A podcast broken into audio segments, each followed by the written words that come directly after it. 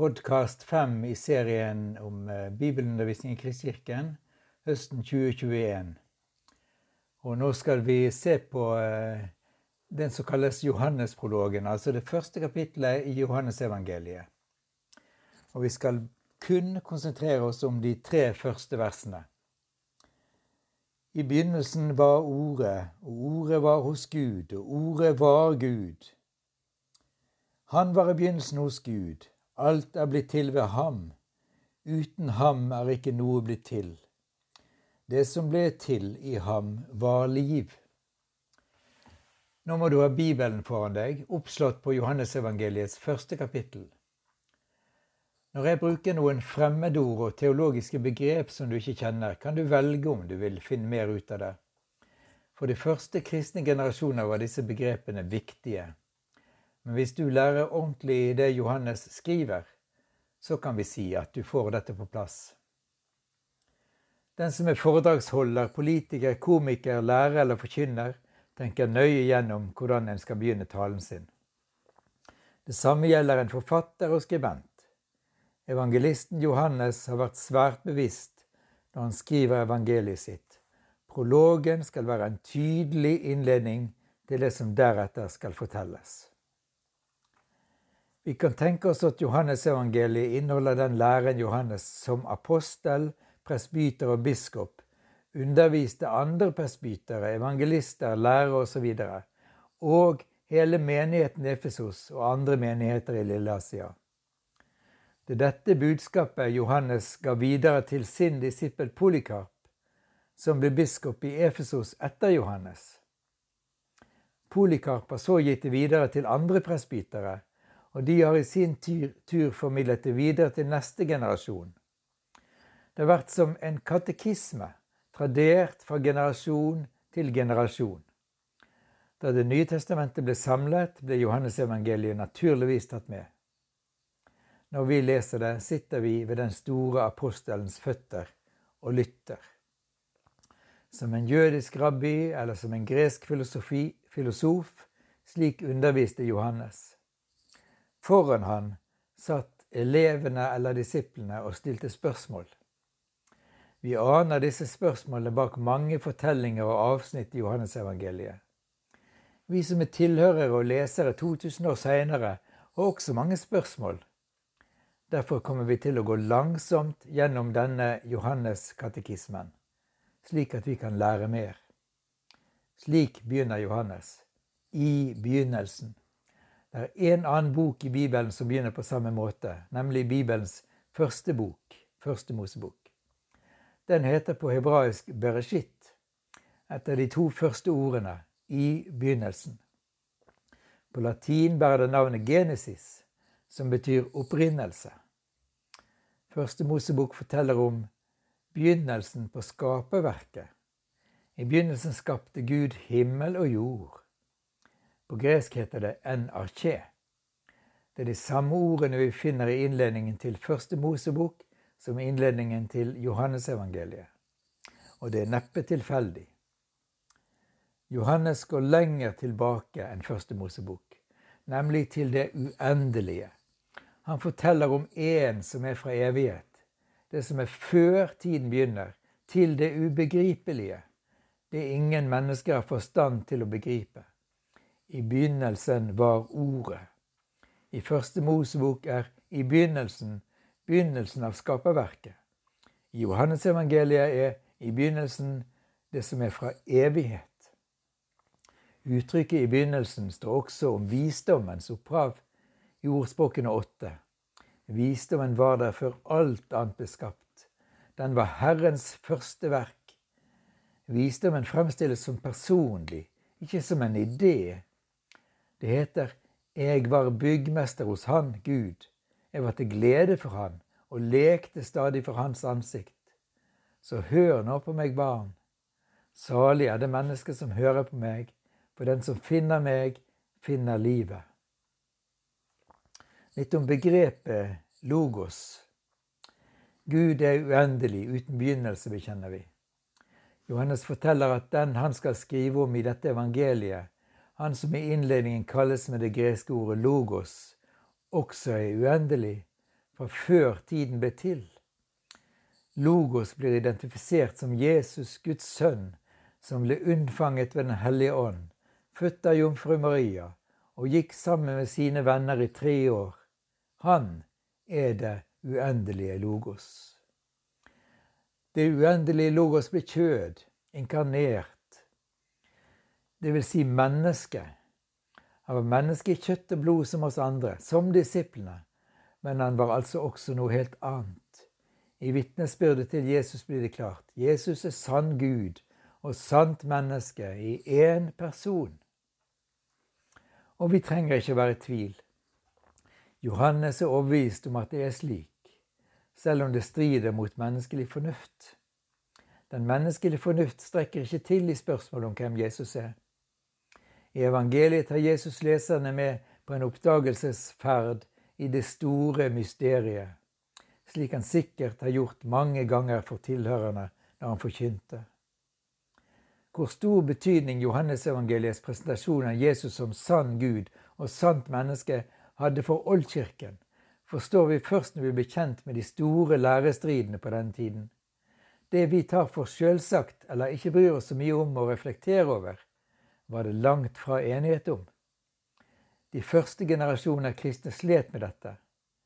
Noen, spesielt de med jødisk bakgrunn, understreket hans menneskelige side og syntes det var vanskelig at et menneske kunne være Gud. Andre, som kristne med bakgrunn i gresk filosofi, så på Jesus som guddommelig, men ikke virkelig menneskelig. Alt dette forteller oss hvor enormt viktig apostelen Johannes sin undervisning om Jesus har vært her kommer ting på plass. I, om, I Efesos, omgitt av gresk tankegang, besvarer han spørsmål omkring Jesus som sann Gud og sant menneske i én person. Og i forlengelsen av dette faller treenighetslæren også på plass. Nå skal vi være med på en oppdagelsesreise i det store mysteriet. Hvem er egentlig Jesus? Han som kalles Logos, Gud, Guds sønn, menneskesønnen Herren og mye mer. I begynnelsen var Ordet, Ordet var hos Gud, og Ordet var Gud. I religionenes verden er gudene til før menneskene. Slik var og er det jødisk tro også. Første Mosebok forteller at Gud var til før alle andre ting. Skaperen var naturligvis til før det skapte. I Salmos ordspråk kapittel 8 beskrives visdommens opphav slik. Herren bar meg fram som sitt første verk, i begynnelsen, før jorden ble til. Jeg var der da han grunnfestet himmelen. Jeg var til glede for ham og lekte stadig for hans ansikt. En liten degresjon. Visdom heter på gresk Sofia. Derfor kalte Jostein Gaarder sin filosofibok Sofies verden. Filosofi betyr den som elsker visdom. I gresk filosofi kalles dette uforklarlige som var til før alt det skapte og synlige, logos. Det er den store visdommen, Sofia. Ved de greske filosofiskolene ble det diskutert intenst om hva eller hvem logos er. Er logos skapt av Gud eller født av Gud? Er logos en del av Gud eller noe separat fra Gud? Er logos Gud sjøl eller bare noe guddommelig? Det var det store diskusjonsspørsmålet i de første kristne generasjoner, og det er det fortsatt. Hva har Johannes å fortelle om den saken? Det er et avgjørende spørsmål hvis vi vil ha en sann lære om Jesus, en sann kristologi. Ordet logos var hos Gud, og ordet var og var Gud. Før han ble inkarnert dvs. Si unnfanget av Den hellige ånd og født av jomfru Maria. Han var hos Gud, den evige. Det kan være vanskelig nok å forstå. Men at den Jesus som var helt og fullt menneske, også var Gud sjøl, det er jo nærmest en umulig tanke. For ortodokse jøder var det en blasfemisk tanke. Men det er nettopp det Johannes skriver i den tredje linjen i prologen. Johannes er overbevist Mennesket Jesus var Gud. Gjennom evangeliet kommer han til å argumentere for det mange ganger på ulike måter. Johannes evangeliet forteller veldig tydelig om hvor sterkt de religiøse jødiske lederne reagerte når Jesus sa om seg sjøl at han var Gud eller Guds sønn. Anklagen mot Jesus var at det han sa og ga seg ut for å være, var blasfemi, gudsbespottelse. Denne spenningen bygde seg opp helt til Jesus ble dømt til døden på korset. Allerede de første kristne generasjonen kjempet med dette. Ebionittene, som var jøder som trodde på Jesus, understreket læren om Jesus som sann, sant menneske. Men som jøder som trodde på den ene Gud, altså var monoteister, og at Messias var et menneske salvet av Gud, var det vanskelig å akseptere Jesus som guddommelig. På den andre siden var gnostisismen. De gnostiske kristne var med gresk bakgrunn. De holdt Jesus for å være guddommelig, men de hadde vanskeligheter med å tro at han var sant menneske. For dem var han bare Gud kledd i menneskeskikkelse. Derfor kalles de doketer. Det så bare ut som om Jesus var et menneske, men i realiteten var den menneskelige skikkelsen ikke som andre mennesker. Den menneskelige framtoningen av Jesus var en illusjon. Det er midt i denne spenningen Johannes skriver sitt evangelium for å understreke en sann tro på hvem Jesus var. Sann Gud 100% og sant menneske, også det 100% Vanskelig for tanken. Ja, men det er det store Guds mysterium. Det greske ordet for Gud er til oss. Et annet gresk ord, teios, betyr guddommelig. Men Johannes skriver ikke at Jesus var guddommelig men at han var Gud til oss. Det er ikke nok å si at Jesus hadde guddommelig natur og guddommelige egenskaper og evner, slik arianerne gjorde den tidlige kirke, og slik Jehovas vitner gjør i dag.